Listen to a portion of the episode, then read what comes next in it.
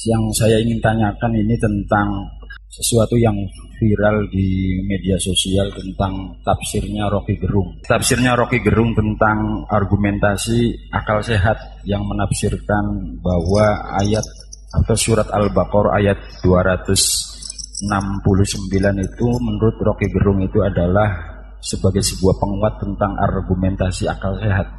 Nah, saya ingin menunjukkan sebuah prolog dulu bahwa kata Buya sendiri tentang Al-Quran, Alkitab, Al-Furqan, dan Al-Zikr itu ada sisi lain yang berbeda.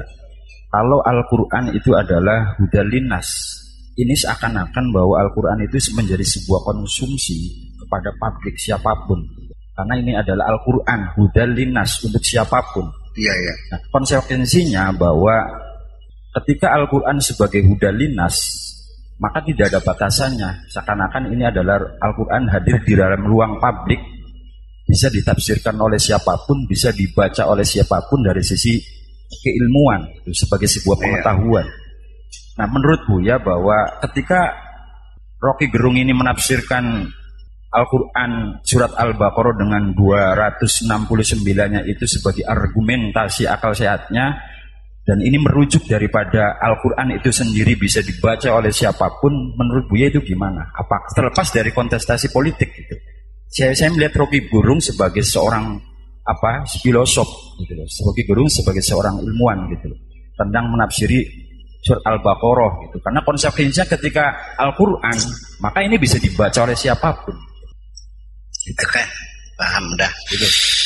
Begini, Al-Qur'an adalah untuk seluruh umat manusia. Transparan dan transandental untuk seluruh umat manusia. Boleh nggak non muslim membaca Quran? Boleh. Siapa yang melarang? Siapa yang berhak menafsir Quran? Lembaga mana yang membuat SK bahwa orang ini berhak menafsirkan? Dan SK melarang orang ini menafsirkan. Ada nggak lembaganya? Ada. Sesuka-suka mereka. Para mufassirin itu apakah Said Kutub, apakah Asobuni, apakah Quraish apakah Hamka, apakah Al-Maroghi, itu tanpa SK. Bekerja sendiri. Dan Nabi Muhammad tidak pernah menafsirkan Al-Quran. Tidak ada tafsir Nabi. Nabi hanya menjawab kalau ada yang bertanya tentang lafaz ini maknanya apa, itu aja. Nah, ketika mereka menulis Al-Quran, terjadilah penafsiran itu berbeda-beda. Paham nggak? Berbeda-beda. Kenapa? Kalau orang ini ideologinya Mu'tazilah, maka penafsirannya versi Mu'tazilah. Kalau ini orangnya Syiah, maka penafsirannya versi kalau ahli sunnah jamaah dan seterusnya dan seterusnya. Al-Quran ditafsirkan pada zaman berbeda, hasilnya akan berbeda. Lalu, di mana ada batasan orang tidak boleh menafsirkan? Iya kan? Itu persoalannya nanti adalah uji publik. Penafsirannya sah atau tidak itu nanti publik yang menilai. Betul nggak?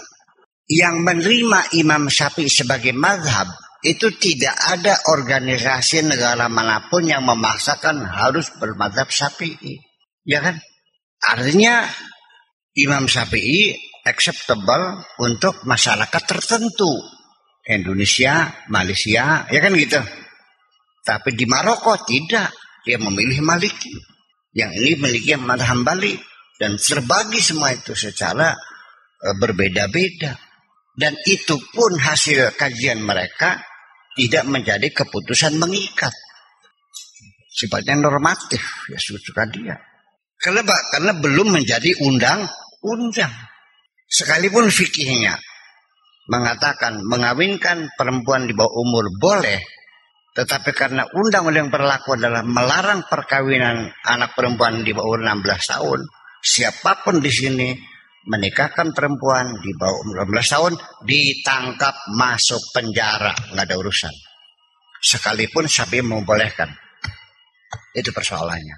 Jadi apa yang teknologi gendung itu saya bisa memahami ya itu ayatnya wa man utial hikmata faqad utiya khairan kasira itu maknanya ya kira-kira memang seperti itu tidak seperti itu hikmah itu ya berpikir akal kalau orang dikasih kecerdasan berpikir sehat Waktu utiya khairan kasira. Dia punya kebaikan yang besar sekali. Dia bisa menggali pengetahuan, bisa ber, berkiprah di masyarakatnya dengan pengetahuan itu. Itu. Jadi saya mah saya tidak pernah menyalahkan siapa pun dan saya tidak mungkin menyalahkan siapa pun.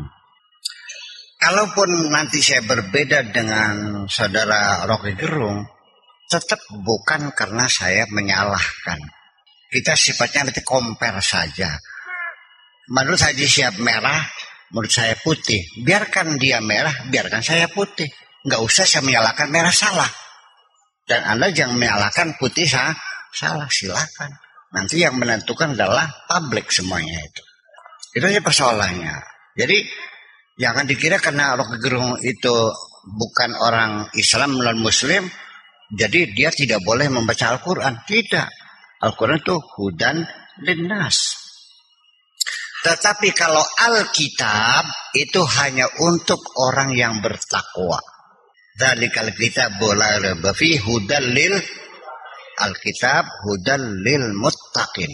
Kalau Al-Quran syarhu Ramadan alladhi unzila fil Quran hudan nah jadi orang tidak percaya baca Quran. Baca apa tuh? Ya baca Quran. Isinya tentang bahwa bulan itu mengorbit sekitar bumi. Wal qamara qaddarnahu manazilah hatta ada kalau urjunil qadim. Ini ayat-ayat ini untuk seluruh umat manusia. Siapa pun agamanya, ini fakta dunia, fakta hukum alam semesta bahwa bulan mengorbit. Mau percaya silakan, enggak silakan.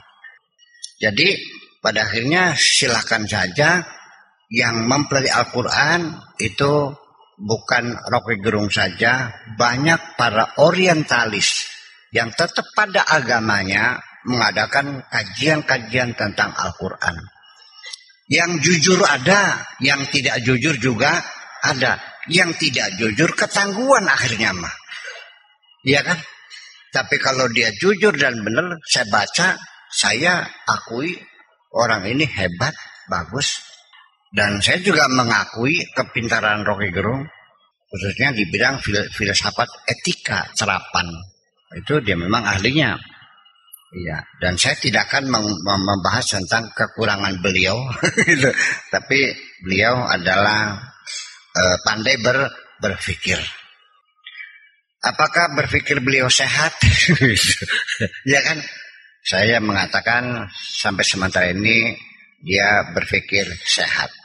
Dia berpikir sehat. Artinya apa itu?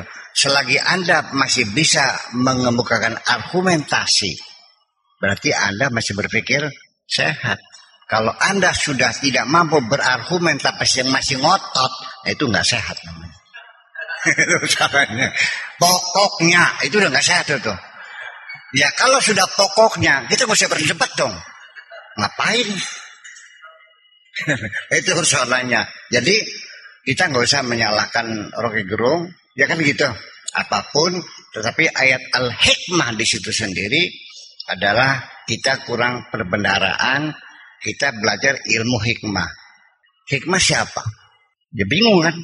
Ya karena nggak tahu mana hikmah itu apa. Filsafat apa bahasa Arabnya? Hikmah. Bikin jimat? Nggak suka.